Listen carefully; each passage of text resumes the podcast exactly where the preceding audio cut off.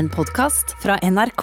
Kari Bremnes er musiker, låtskriver, skuespiller og tidligere journalist. Bremnes debuterte som artist i 1980, men gjennombruddet kom først sju år seinere med albumet Mitt ville hjerte, hvor hun sang dikt av Tove Ditlevsen. Hun har gitt ut 16 album, tror jeg, eller 17, og vunnet tre Spellemannspriser. Hun ses på som en av våre fremste artister.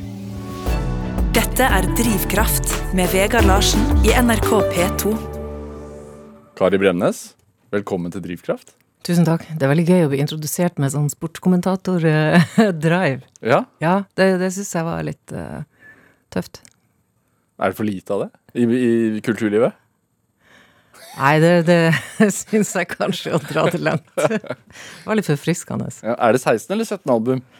Eller er det Ja, det kommer an på hvordan du regner, fordi at eh, jeg har gitt ut noen engelskspråklige også. Og så er det en del samlealbum og sånn, men det er vel en 16 soloalbum, da.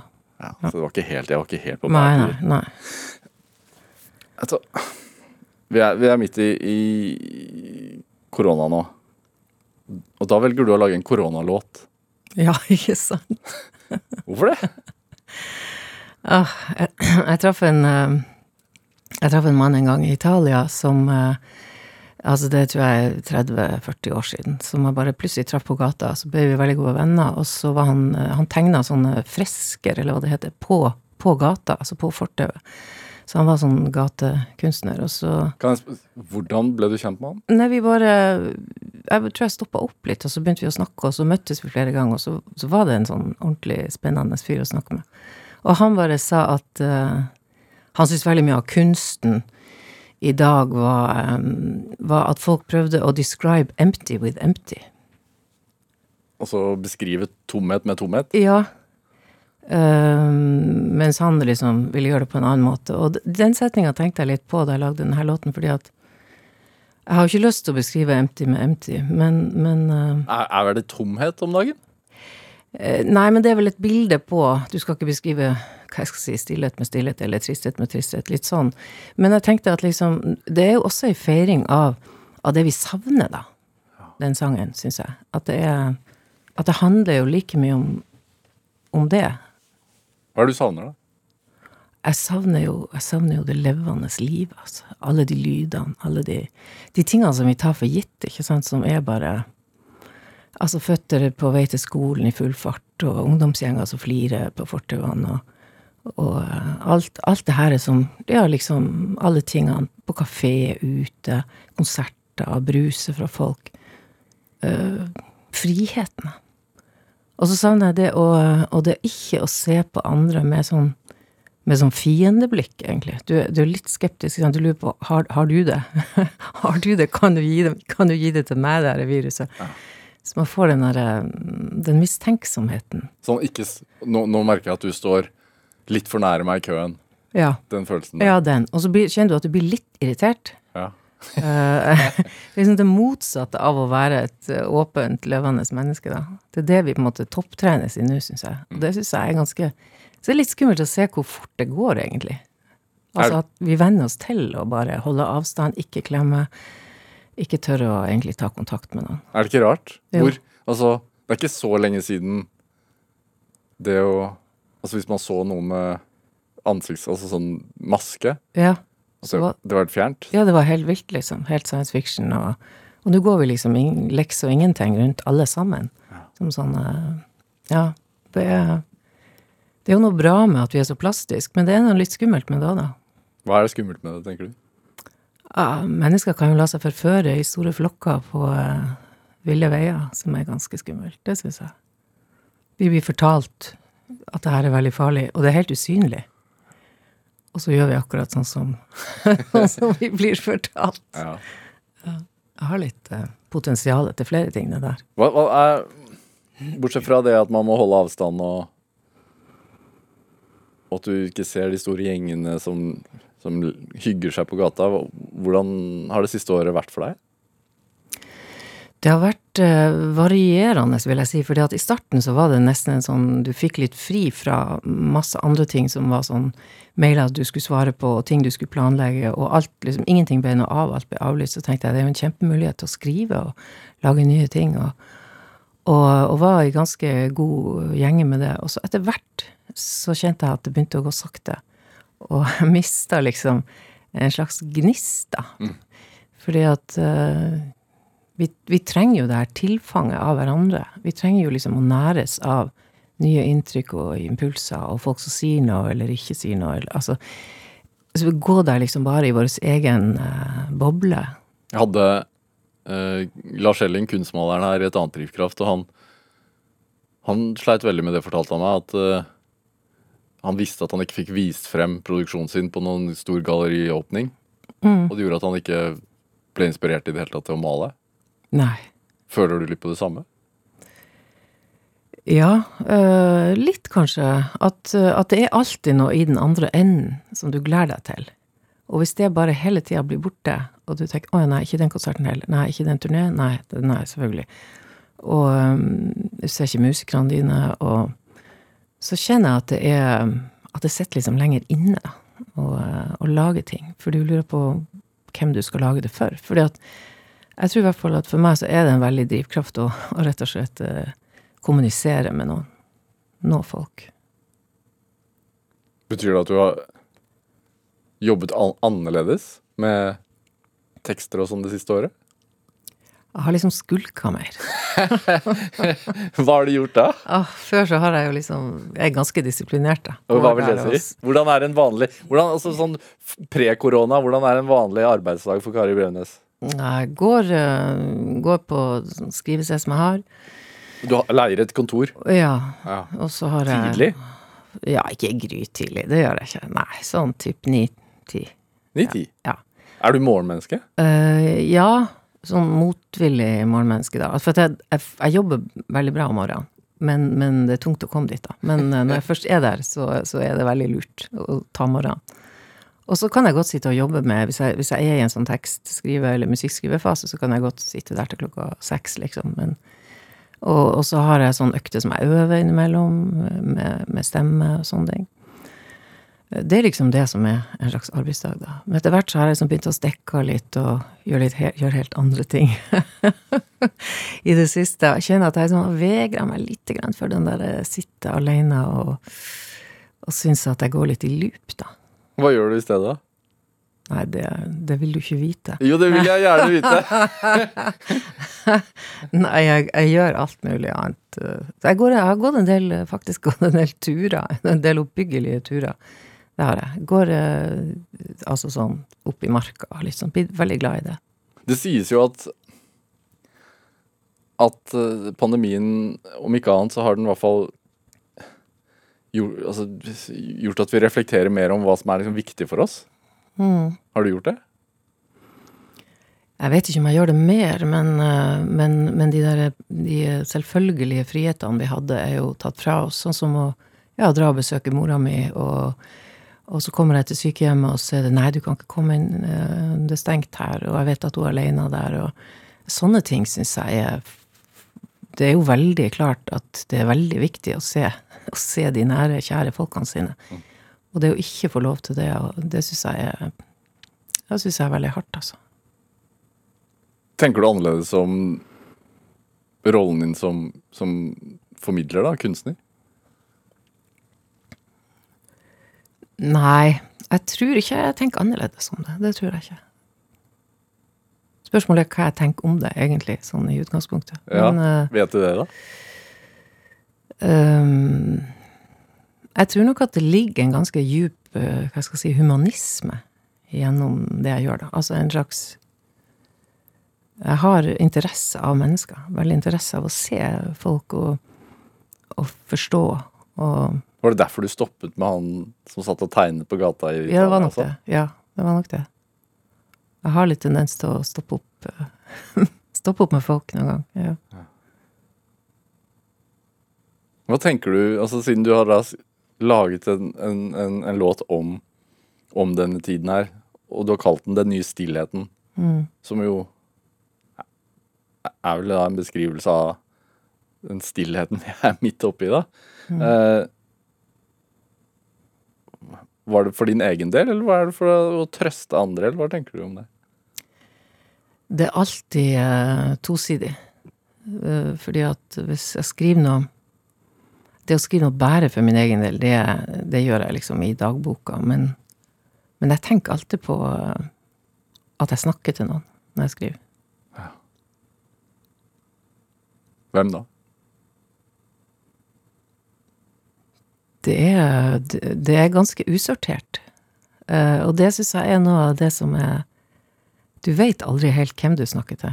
Og, eh, men jeg tenkte at jeg har ikke et veldig sortert publikum. Altså, de går ikke i eh, i svarte høyhalsere og arkitektbriller, alle sammen. Det, det er liksom en veldig usortert eh, masse, egentlig. Eh, noe som jeg er så glad for, fordi at jeg vokste jo opp et sted der det var ikke mye forskjellige skoler og bydeler, veldig. Det var ei skole som alle gikk på. Og dermed så, så, så får du kontakt med alle sorter liv, på en måte, og, og livsbetingelser. Og det, det, det syns jeg er fint at gjenspeiles på en måte i det jeg skriver. Mm. Hva skriver du i dagboka di? Nei, der skriver jeg Nei, den er vel ikke veldig jevnt, eh, jevnt skrevet. Men der skriver jeg egentlig litt stikkord og litt sånne ting. Og så kanskje jeg kan utvikle noe av det. Ja. Så det er en notatblokk? Ja, mer sånn. Er det, siden, siden du er såpass opptatt av mennesker og, og interesserte mennesker og Har du lært noe om oss, menneskene, i løpet av det siste, det siste året? Eh, ja, jeg syns jo jeg lærer noe hele tida. Syns ikke du med det programmet her? Virkelig? Du må virkelig det. Ja. Jeg får pirke. Hva? Jeg får jo lov til å stille masse spørsmål Ja, ikke sant? Ja. Men da jeg ble invitert hit, så hørte jeg at det her var en samtale, så det kan hende at du får noen spørsmål tilbake. Nå har vi invitert en tidligere kulturjournalist i studio. også. Ja, ikke sant? Ja. Nei, men jeg snakka med en, eh, en psykiater for noen dager siden, og han sa det at, eh, at han hadde lært eh, mye mer av, av pasientene enn han hadde lært på studiet og i bøkene og i oppleggene og konferansene. Og. Så Spurte du hva han hadde lært, da? Ja, for eksempel så hadde han lært noe om hvordan det er å ha en psykose. Altså, det er jo, det er jo ikke sant, når mennesker blir så, så At du går over på den sida at du At du innbiller deg ting som ikke er reelle. Uh, at du får andre oppfatninger av virkeligheten enn en det som andre ser. Mm. Det er jo veldig interessant hva som får oss dit. Og, eh, og hva som foregår inni et menneske. Det er jo veldig lett å liksom bare avskrive det med at hun er gæren og sånn, men det er jo faktisk enormt spennende. Da. Hvordan vi kan forflytte oss i sinnet og, og i forskjellige virkeligheter. Tenker du mye på det? Jeg tenkte litt på det, for eh, da jeg kom til Oslo, så begynte jeg å jobbe på Gaustad. Ja. Så, eh, og da, da møtte jeg jo en del eh, ganske tungt psykisk uh, belasta mennesker. Og, og, og det, som, det som slo meg, som ikke jeg visste da jeg kom, det var det at folk kan være helt adekvat på alle områder, bortsett fra ett. Der de plutselig hører ting i radioen, eller de hører um, som ikke er der, ikke sant. Sånn at uh, Ja. Det syns jeg var Det syns jeg var en uh, Ja, viktig, viktig lærdom. Og vi har vel alle, altså i selvfølgelig større og mindre grad, men vi har nok noen sånne blindsoner, tror jeg, alle folk. At du ikke helt ser uh, deg sjøl, og, og om det du oppfatter som riktig eller ja, rett, rett observasjon, om det egentlig stemmer. Ikke sant? Ja. Men nå begynner vi å gå langt inn i Skal vi spille litt musikk? Kanskje det. Kanskje vi skal spille Den nye stillheten? Hva Bestemte du deg for å skrive om dette her, eller bare kom det til deg? Hva, hva skrev du i dagboka for å, som ble til denne låten? Jeg skrev stillhet, for det var noe som slo meg veldig da dette her starta, at, at det ble så stille.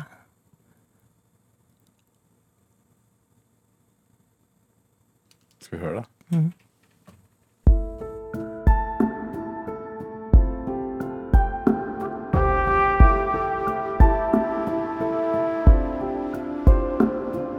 Så har den store stillheten satt inn. Spredd seg over hele denne våren. Lagt seg over landet som et slør. Ingenting er sånn som det var før.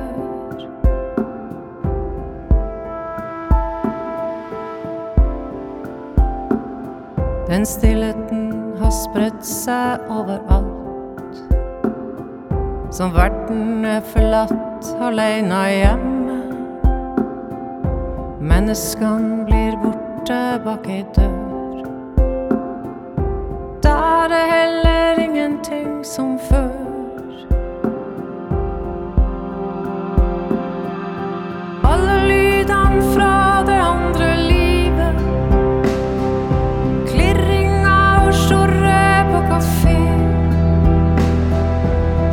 Skategutta ned gjennom gata. Bruse ifra folk på samme sted.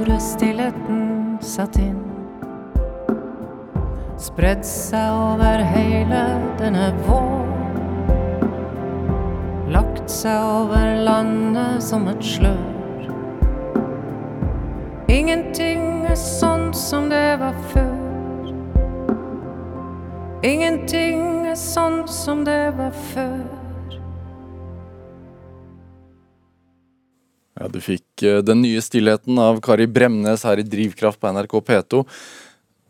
Den spiller vi fordi at Kari Bremnes er dagens gjest her i Drivkraft. Det er nesten en premiere. altså Låten ble sluppet på fredag. Mm, ja. Er det skummelt å høre den? Ja. jeg er alltid litt shaky eh, sånn. Rett etter så er du ganske shaky. Ja, egentlig ganske lenge etter.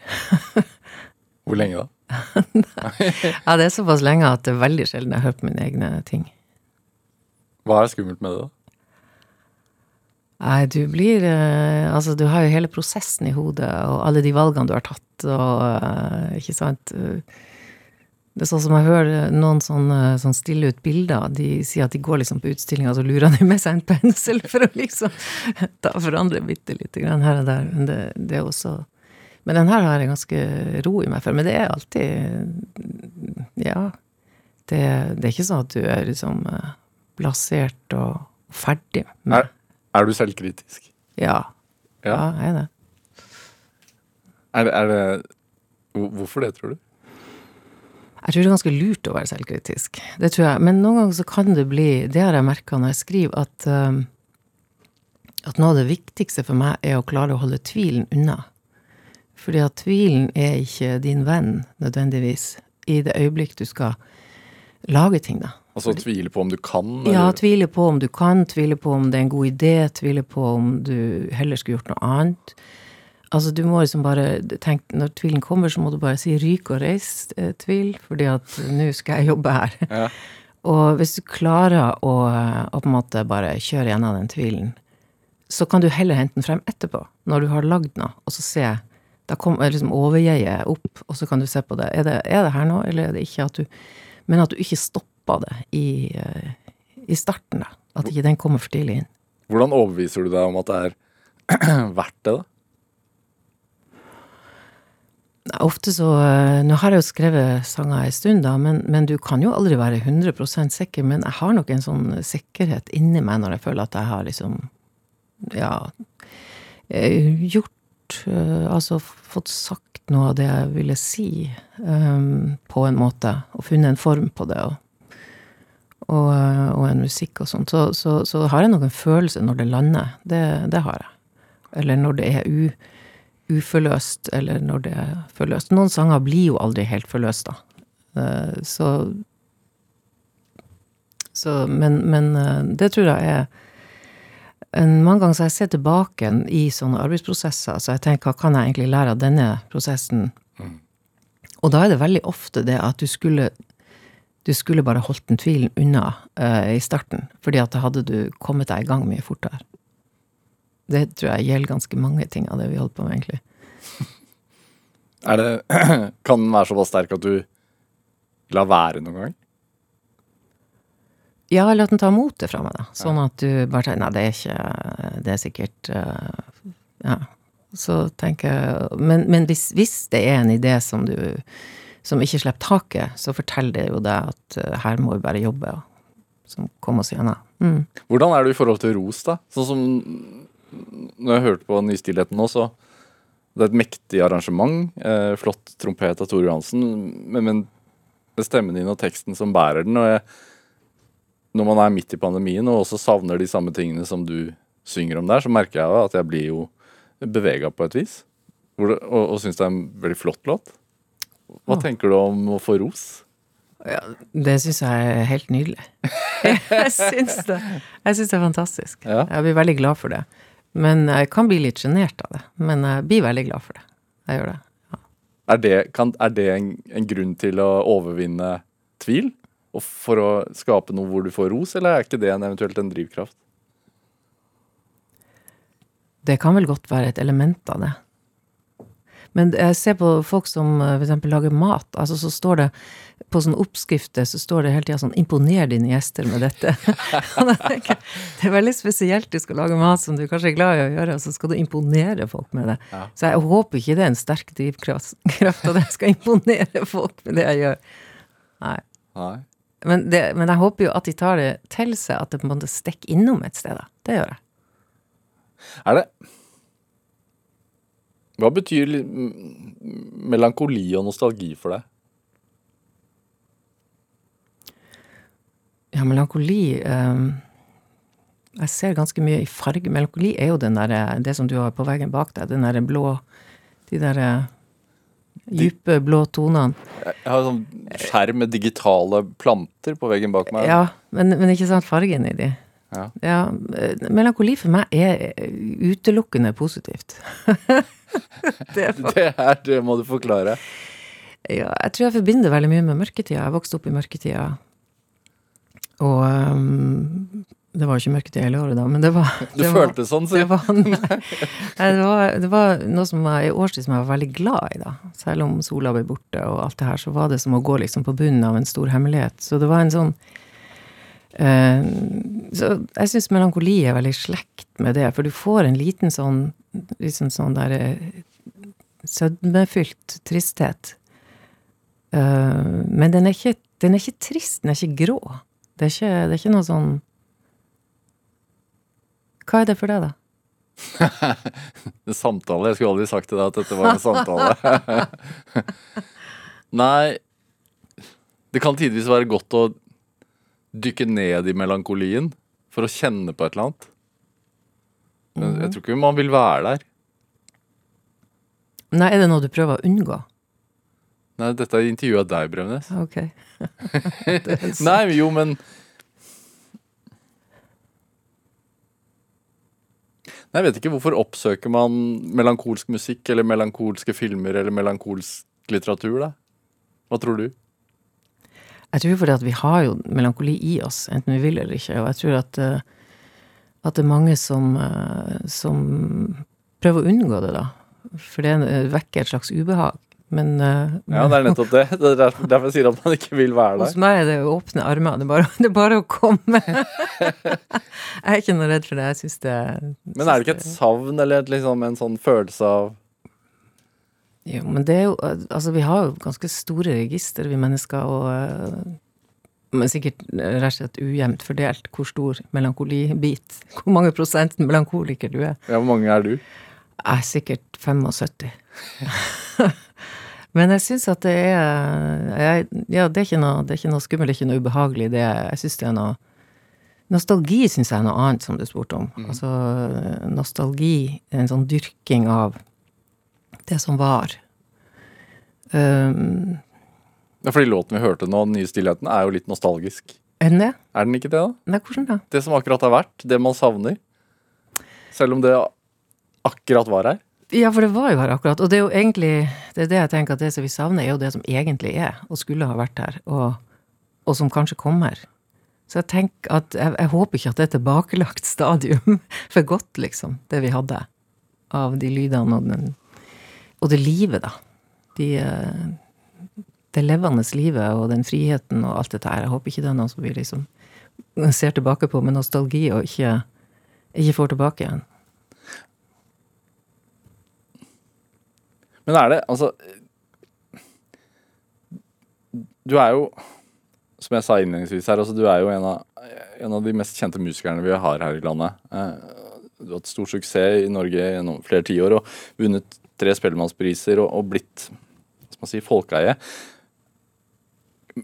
Samtidig så husker jeg på sånn da På starten av 2000-tallet så ble du liksom Kari Bremnes gjort narr av i det der humorprogrammet til Harald Eia og Bård Tufte Johansen. Hva husker du, husker du av det? Jo, det som jeg husker, er at det var veldig mange som oppfatta det som at jeg ble gjort narr av, men jeg gjorde det ikke sånn sjøl. Det var det som var så eh, Hva oppfattet du, da? Jeg syns det var veldig artig. ja. Jeg syns det var helt hysterisk artig, fordi at Altså særlig i starten, da. For at da den første kom, da husker jeg Ja, det var hilarious, altså. Det var det. Var det. Og jeg oppfatta det ikke som noe hetsing eller noe sånt. Det var bare et eller annet uforklarlig hvorfor det var morsomt òg. Det var bare sykt morsomt. Og, og Det var jo en enkel vits. Ja, ja det, var, det var jo bare måten å si navnet mitt på, og så trynet til han Harald Eia. Men jeg klarte ikke å ta det som noe eh, jeg klar, men, det, men etter hvert ble det jo veldig slitsomt, da. For etter hvert så ble det jo sånn at du kunne ikke ringe og bestille ved og si hva du heter. For da knakk de jo sammen på den andre enden. Og liksom, Nei. Ikke sant? Og du blir ropt opp på venteværelset til legen, og folk bare dør av latter. Det er ikke så artig. Så, så, det, så jeg ble litt lei av det. Det gjorde jeg. Men jeg oppfatta ikke det som at jeg gjorde narr av det. Jeg oppfatta det som at de fant på noe som på en eller annen merkelig måte ble sykt morsomt, og så klarte ikke å slutte med det, fordi at folk, folk, ville, folk ville ha mer av det. Men, eh, men det gikk jo over, da. Men fordi humor er også en stor del av det, er det ikke det? Jo, det er det. Og du kan ikke slåss mot noe som er morsomt. Altså, er det, er det morsomt, så er det det. Du kan ikke si 'det her er ikke artig'. Få- Da har du tapt, altså. Så det suser. Men tenker du at det er humor i låtene du skriver også? Ja, i noen av de, ja. Ja. Ja, det gjør jeg. Absolutt. Det gjør ikke du. det ser ikke sånn ut. Ja, jo. Men hvordan fungerer det overens med melankolikeren? Det er jo det at det henger egentlig ofte sammen, syns jeg. Fordi at eh, Altså, jeg syns hvis du ikke har humor og er melankoliker, så er det jo ganske sånn begredelig. Og det blir litt traurig. Så du må ha humoren for å liksom eh, vatre det litt. Ja. Mm. Fordi Men du orker jo ikke bare gå i en sånn der eh, blå dimma. Du må jo liksom Du må opp, ikke sant? Må ha de her eh, toppene og de Ja. Har det noe med mørketiden å gjøre også? Um, det kan godt hende. Klarer jeg sikkert å Nei, men jeg husker jo de eh, Altså, det har vel kanskje også med oppveksten å gjøre. Altså, humor er jo også kultur, og, og jeg vokste opp et sted der det var Altså, det var jo ganske mye rå humor, eh, rett og slett, og det er det jo fremdeles. Og det er en måte å ta ting på som som ikke var sutrete eller uh, klagete eller noe sånt, men som, som var liksom Vi står han av, og altså Med litt uh, mye, mye, humor, mye sånn kjeftsterke folk, da. Mm. Med, som jeg hadde veldig sans for. Hvem var den Hvem var den i familien som var flinkest til å fortelle de morsomme historiene? Uh, altså, faren min var ganske rå. Det, det skal han ha. Mm. Hvordan da? Han var god å observere og legge merke til, og, og, så veldig ofte det humoristiske. Og det gjør mora mi også. Hun er veldig sånn komisk eh, blikk. Altså på ting. Alt. Det meste har jo ei komisk side. Det har det, altså. altså. Du har vokst opp uh, i Svolvær, i Lofoten. Mm. Utrolig naturskjønt sted. Ja. Men også ganske hardt, sånn i forhold til natur. Ja. Er det da vesentlig at det er humor? Ja, det tror jeg, for det er ganske barskt, rett og slett. Du må, du må tåle det, ikke sant. Det, det fins jo ikke noe bedre sånn overlevelsesmekanisme enn humor. Men det er, det, det er så kontrastfylt uh, i Lofoten og Svolvær at det er Du har liksom de derre uh, Den skjønnheten som er helt vill, mm. bokstavelig talt. Det er som man tror nesten ikke at det fins sånne steder. Nei. Og så har du, har du det der eh, ganske rå klimaet og Hva er barskt for de som ikke har vært uh, i Lofoten? Ja, det er jo hvis du ikke kommer på land med Hurtigruta, altså da er det ganske Da ganske værhardt. Altså sjøen går hvit og høy, og du piskes uh, Du piskes uh, ned i sneskafla. Altså, det er rett og slett uh, ganske røft. Og du må, du må vite jo.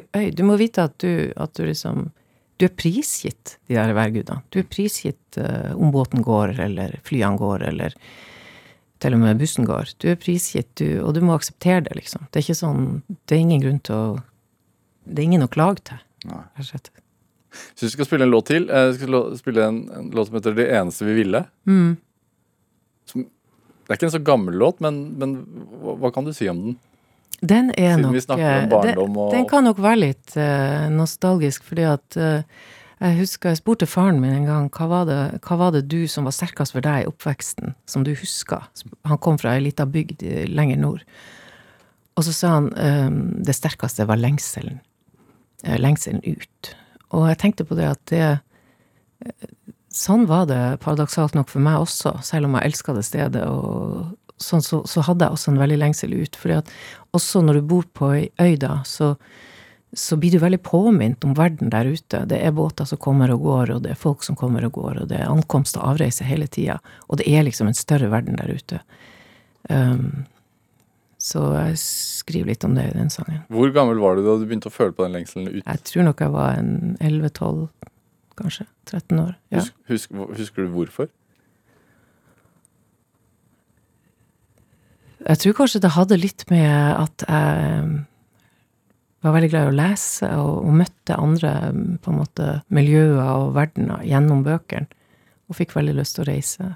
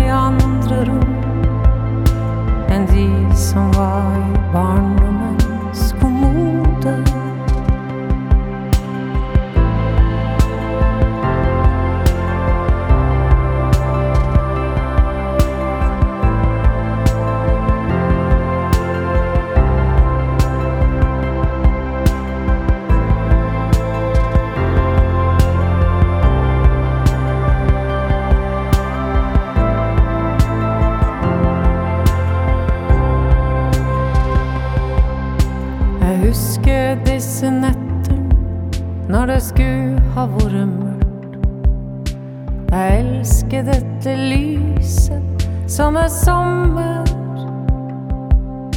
Og går den samme gata, ubehjelpelig berørt.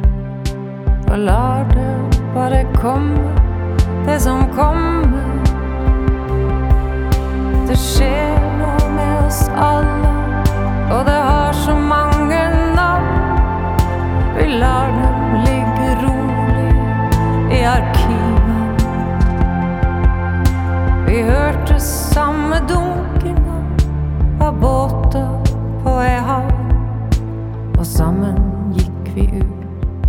disse livene. Ja, Du fikk Det eneste vi ville av Kari Bremnes her i Drivkraft på NRK P2. En låt vi spiller i dag fordi at Kari Bremnes er dagens gjest her i Drivkraft. Så veldig betenkt ut da vi spilte, spilte låten din. Hva tenkte du på? Jeg tenkte på, eh, jeg tenkte på Elin, uh, venninna mi som jeg møtte i første klasse. Og vi var liksom sammen eh, alltid et veldig nært vennskap. Og så hadde jeg skrevet to Hun ble syk, eh, og så døde hun i 2015. Um, og så hadde jeg skrevet to vers av denne sangen. Um, fordi at jeg opplevde jo alle disse tingene så- i lag med de der nære vennene. Så, så har man liksom disse Og det gjorde jeg sammen med henne. Og eh, siste Jeg sto veldig fast, og så kom jeg til å tenke på henne da jeg skulle skrive det siste verset. Um, da levde hun ennå, og da, jeg, da var det veldig Jeg gleder meg veldig til å spille den for henne, fordi at det er den der, og sammen gikk vi ut i disse livene. Um, og så det samme, opplevde det samme, kjente de samme folkene, kjente hverandres søsken og foreldre. De tingene der, de um, Det var egentlig en drivkraft til å skrive ferdig den sangen, at jeg kunne få spilt den for henne. Og det gjorde jeg. Hva var responsen? Ja, hun skjønte det. Ja. Hvorfor var det viktig for deg da? Å få den ferdig? Jeg tror det var viktig å, å, si noe om hvor viktig det vennskapet var.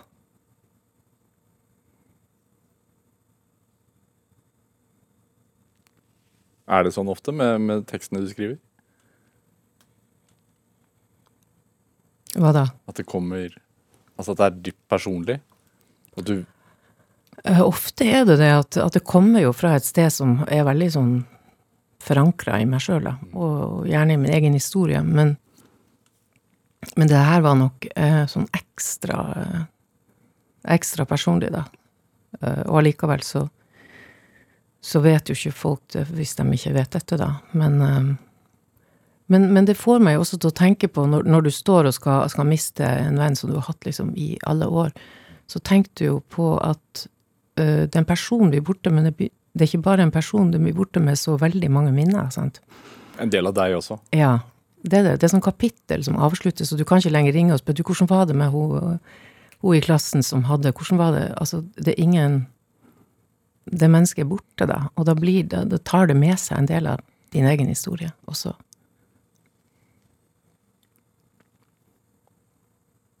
Tror du det er derfor også man føler låten ekstra? Jeg vil i hvert fall, når jeg skriver, så, så vil jeg jo veldig gjerne på en måte at det skal treffe nærme nerve hos noen, da. Fordi at vi har så mye felles. Alle For det er din historie, det er deres, deres to altså, Ja. historie. Mm, men det, Samtidig så er den universell, da. Ja, det er i hvert fall det som jeg vil at den skal være, for at det er øh, Og det syns jeg er noe av det med å bli eldre og, og ha skrevet lenge.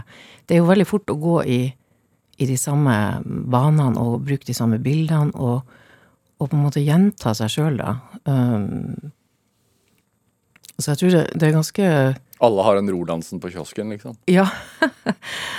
Alle har det. Og, og det å liksom bruke så Broren min sa det da den sangen kom, enn at han Rolandsen skulle få være med i en sang. jeg syns det var litt artig. Men der, alle de opplevelsene som vi har gjennom livet, at vi kan ta de med oss og skrive om de, altså også når vi blir eldre og godt voksen, at, at, de, eh, at en sangtekst ikke bare skal handle om noen få ting, men at du kan utvide rett eh, registeret for hva du kan skrive om, da. Det syns jeg er spennende. Hva tenker du om det at du er såpass åpen i tekstene dine?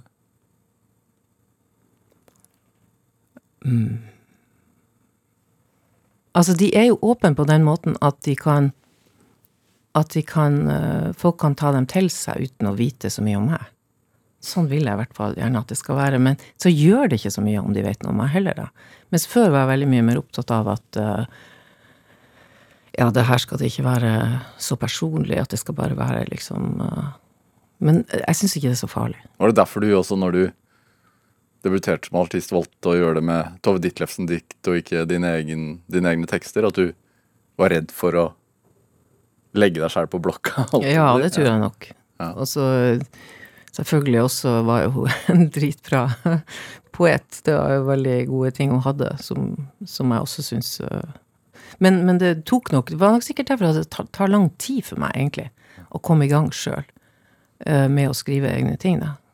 Det har tatt det har tatt Jeg er virkelig late bloomer, så det er fint at jeg får holde på litt til. Hva var det som gjorde at du tok steget, da? At du tenkte at ja, nå, nå våger jeg, nå, nå gønner jeg på. Det begynte jo litt uh, suksessivt. Først så var det da den første plata med ho, og, og, og så var det melodi av Petter Henriksen, som er en veldig fin komponist. Og så neste album så skrev jeg tekstene sjøl, og det var melodi av Petter Henriksen. Og så da, det var blant annet Hurtigrute på den. Og så tredje plata, da, Spor, da begynte jeg også å skrive melodier sjøl. Uh, så det, det liksom, jeg tok det veldig trinnvis, kan du si. Uh, jeg, jeg tror nok jeg trengte den tida. Jeg tror jeg trengte å, å tørre å, å finne ut av ting, om jeg hadde noe i meg. Men jeg husker veldig godt da jeg hadde lagd Københavnerkneipet. Og, og det var også en tekst som jeg hadde tenkt å gi fra meg, som andre kunne lage musikk til, men, men så var det en sånn melodi som på en måte bare krøp på samtidig med at jeg skrev teksten, og rytmisk og alt var liksom bare der. Så jeg spilte den inn, og tok den med i studio og var dritnervøs. Og jeg husker han så godt, den der følelsen da liksom Kristin Skåre og Knut Reiersrud står der og sier men det her er jo kjempebra. Eh, og bare kasta seg over den og begynte å spille, og jeg synes det var helt jeg Trodde nesten ikke det var sant. Men hadde du hatt Det var den første sangen jeg skrev. Men hadde du hatt musikken i deg fra du var veldig ung? ja, det har jeg. Du, hadde hatt, du merket at du hadde et ønske om dette her? Tidlig? Jeg hadde ønske om å, om å holde på med musikk, men, eh, men, men å på en måte skrive sjøl og sånn Det er akkurat som det ikke fantes. Det var akkurat som det, det var noe som Det hadde vi folk til. Vi hadde folk til slikt, rett og slett. At, så det var liksom ikke Jeg kom ikke på det engang, at, at det var mulig. Hvem var de folka, da, som, som kunne drive med det, og ikke du? Nei, det var jo eh, Bjarne Amdal og disse, disse folkene som skrev, som skrev eh, melodier, og det var Bob Dylan, og det var Johnny Mitchell, og det var Ikke sant? Ja. Det var det. Men moren din hadde studert musikk. Du- Mamma studerte et år her på Jeg tror det var, hun hadde råd til et år på det som ble høyskolen etterpå, som var musikkonservatoriet. da, Gikk i klasse med, med Per Asplin og Arne Norheim. Og hun, eh, hun ville bli pianist, men hun tok også sangundervisning, da. Så hun var veldig god til å spille piano. Men hun hadde jo sett at da, via, via klassekameratene sine at det gikk an. Ja, det kan du si. Men det var vel etterpå at det gikk an for de òg. Men, eh, men hun mamma, jeg tror jeg fikk Jeg har jo ingen musikkutdannelse, men, men når jeg ser tilbake, så ser jeg at jeg fikk egentlig en, en slags utdannelse gjennom henne, da. Fordi at hun eh, Vi sang veldig mye hjemme, og vi hadde et piano som sto i stua, og det var, det var hjertet i eh, hjemmet, så Det var det pianoet. Det var alltid noen som var borte og spilte på det, og det var alltid noe som skjedde rundt det pianoet. Hva ble spilt da? Det ble spilt, eh, så det ble spilt for eksempel, hun spilte Chopin og Satie og eh, Grieg, og så spilte hun Billie Holiday og jazz, hun var veldig glad i jazzting. All of Me var glansnummeret hennes. All of me, why not take all of me? Jeg husker da hun sang den, så var jeg så flau. For det er mora si som kommer og sier All of me, det var kjempeflaut. Men uh, var hadde skikkelig dreis på jazzen. Ja. Hva slags familie var dere i Svolvær? da? Det var en ganske levende familie, vil jeg si. Hva vil det si? Uh, det var mye liv og røre, og, og folk innom, og uh, mye lyd. Og mye høye diskusjoner, og mye synspunkter som ble lufta på alle måter, og, og mye musikk. Ja. Og uh, foreldrene mine var lærere da, og pappa var rektor, men ingen av de var noe interessert i mine karakterer, eller noe sånt, så jeg fikk være ganske mye i fred. Det var liksom Det var ikke så viktig. Men Var det musikken du drømte om? Eller var det journalistikken? Eller var det noe helt annet? Jeg tror eh, musikk, musikken var veldig viktig for meg. Jeg spilte litt forskjellige instrumenter og um, prøvde meg, eh, liksom. Og så Ola og jeg begynte å spille ganske tidlig. Og um, Og broren din? ja, broren min. Storebror. Så, vi begynte, så var vi med i visegruppe som heter Lovisa, som Jack Berntsen stifta, og, og spilte en del ute og litt sånn. Så begynte det liksom å bade på seg. Jeg merka jo det at det her, det, det her hadde jeg veldig sansen for. Men jeg tenkte aldri på det som en slags At du kan på en måte ha det som et yrke, eller leve av det, eller bruke veldig mye tid på det. Jeg tenkte hele tida på at jeg må snart bestemme for hva jeg egentlig skal gjøre, da. Tenker du at det sier noe om tiden du vokste opp i? Ja. Mer enn familien, egentlig? Den, det at, eh, at jeg tenkte at jeg ikke kunne Ja. leve av det.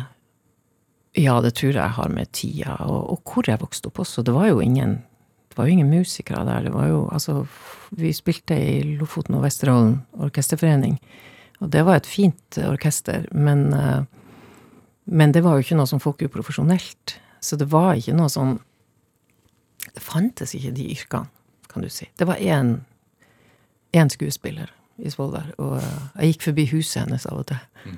Tenkte at der hadde vokst opp en skuespiller. Det, men ellers så var det ganske håndfaste ting folk holdt på med da. Så, og det var jo det som var min verden, så jeg tenkte ikke så veldig mye på det. Men så kom det jo inn den derre verden, den store verden. Hvordan da? Eh, TV, radio? Fra, fra, ja, spesielt radio og plate som en venn av oss importerte, som da vi fikk høre plutselig, jeg husker de der Ja, Beatles var en ting, og så har du Bob Dylan, og så har du Cohen, Frank Zappa, John Mitchell. De tinga ble veldig viktige. For det var sånn Det var en helt annen måte å En helt annen måte å snakke til folk på enn eh, de fleste sangene i eksempel Ønskekonserten, som jo var faktisk det musikkbiblioteket som eh, fantes da jeg var lita. Hva tenker du om tiden i dag kontra da du vokste opp, da? Hvor grensen mellom å prøve å satse som artist er, virker veldig liten?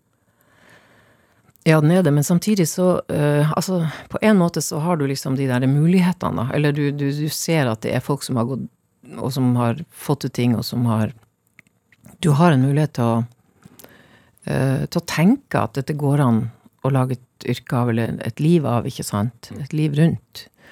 Eh, men samtidig så er det så veldig mange, og det er jo så enormt eh, Det kommer nye hele tida, så, så det er jo Det er jo veldig vanskelig, da. Det, det jo Det må være veldig vanskelig. Eh,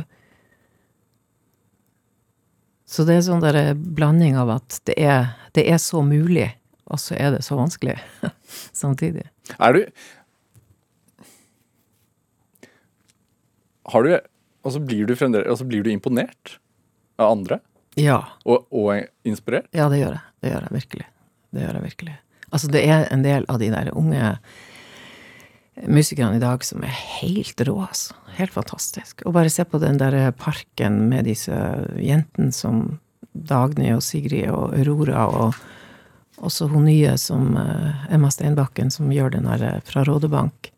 18 år. Det er rett og slett eh, Det er talent, og det er en gjennomføringskraft. Mm.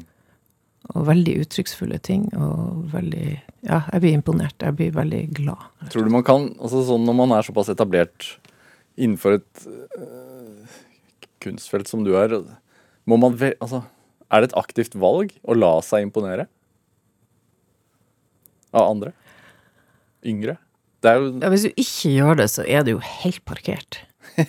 Det, du, du, altså det, det er jo ikke mulig å ikke la seg imponere. Fordi at det er så mye å bli Eller, eller berøre, da, også. Berøre og, og folk Det er jo det som jeg syns musikk eh, handler om for meg, da. Det er jo, det er jo musikken jeg blir berørt av.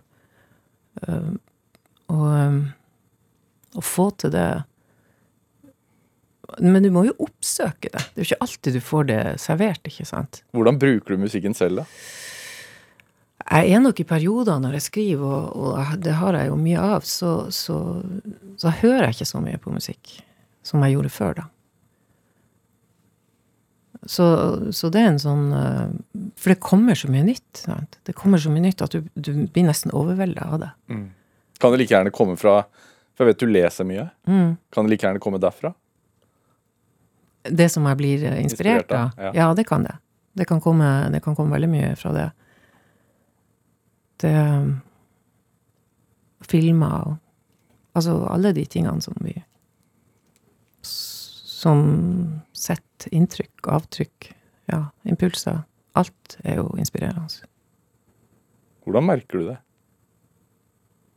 Det merker jeg nesten fysisk, at du bare får en liten sånn pling ned i magen. Ja. ja, gjør det. Oi, der var det noe. Akkurat som å finne Så går det, så er det helt grått, og så plutselig så ligger det en sånn liten gulldings der. Ja. Hva gjør du da? da? Tar jeg den opp, og så så legger jeg den i lomma, og så sier jeg nå skal vi, Nå skal nå skal vi dra hjem, og så skal vi se om vi kan få til noe. Mm. Men hvor, hvor begynner du? Eh, jeg begynner ofte med ei setning jeg liker, altså, og vet ikke hvor jeg skal. Eh, men, eh, men en, en setning som sier noe om eksempel den som vi hørte nå, det eneste vi ville var å være et annet sted. Det var hele ideen til sangen. Er det gulldingsen som du fant? Ja, Ja. det var det jeg tenkte. Og så tenkte jeg det som faren min sa om lengsel. Det, men, men liksom det å, å begynne der, uh, da tenkte jeg da kan jeg skrive derifra. Du må finne liksom et sted å skrive fra. Det er ikke sånn at jeg sitter med Jeg tror, jeg tror man jobber ganske forskjellig. Noen jobber ganske intuitivt, da. Så at du bare, du bare begynner i et hjørne, eller du begynner midt på gulvet, eller du begynner Mens andre har kanskje laga skisse over hvor de skal, og hvor de starter, og slags eh, Det er liksom så de stilene du skal på skolen, vet du. Du må lage disposisjon. Husker du de? Ja. Likte du å lage Tan disposisjon? tankekart? Ja, likte du å Fryktelig dårlig. Ja, forferdelig. Ja. Jeg tror det er en veldig dårlig idé. Jeg føler det ødelegger hele den kreative prosessen. Det er akkurat det det gjør. Ja. Ja, Analyserer det i stykker. ja ikke sant? Så du, du, før du har fått lagd noe som helst, så har du liksom bare snakka det i hjel. Ja. Ja. Nei, jeg må slutte med det. Men det at du tenkte som ung at det eneste du ville var å være et annet sted, hva tenker du i dag, da? Om eh, at jeg tenkte det, eller om, om hvor Vil jeg ville være et være et annet dag? sted i dag? Ikke akkurat her og nå når du sitter her sammen med meg, også, men sånn generelt. Nei. Jeg vil ikke være et annet sted. Jeg vil være akkurat der. Jeg syns det er et fantastisk sted å være. Hva, hva driver Kari Bremnes? da? Ja, det er møter med folk. Det er Det er rett og slett menneske, menneskesinnet, og de uh, prøver å forstå noe av det. Det driver med. Hva har du lært da? Hva jeg har lært? Nei, det kan jeg ikke oppsummere veldig kort. Jeg håper ikke jeg kan oppsummere det i ei setning. Jeg tror jeg trenger litt, litt mer tid på det. Men eh, jeg har lært at vi er ganske like. Mennesker. Ja. Alle trenger Alle trenger vennlighet. Alle trenger å bli sett. Ja. Se å bli sett. Kari Bremnes, en time går så altfor fort. Det var det vi rakk. Hyggelig å være her. Tusen takk for at du kom hit til Drivkraft. Hør flere samtaler i Drivkraft eh, i NRK-appen, eller eh, last oss ned som podkast. Send oss også gjerne ris og ros, og tips til mennesker du mener har drivkraft. Send den e-posten til drivkraft.krøllalfa nrk.no. Vi hører veldig gjerne fra deg, og er litt treige til å svare på disse mailene, men svar kommer, og, alle forslag blir notert ned på en blokk, så tusen takk. Um, produsent og researcher i dag, det var Kjartan Aarsand. Jeg heter Vegard Larsen. Vi høres. Du har hørt en podkast fra NRK. Hør flere podkaster og din NRK-kanal i appen NRK Radio.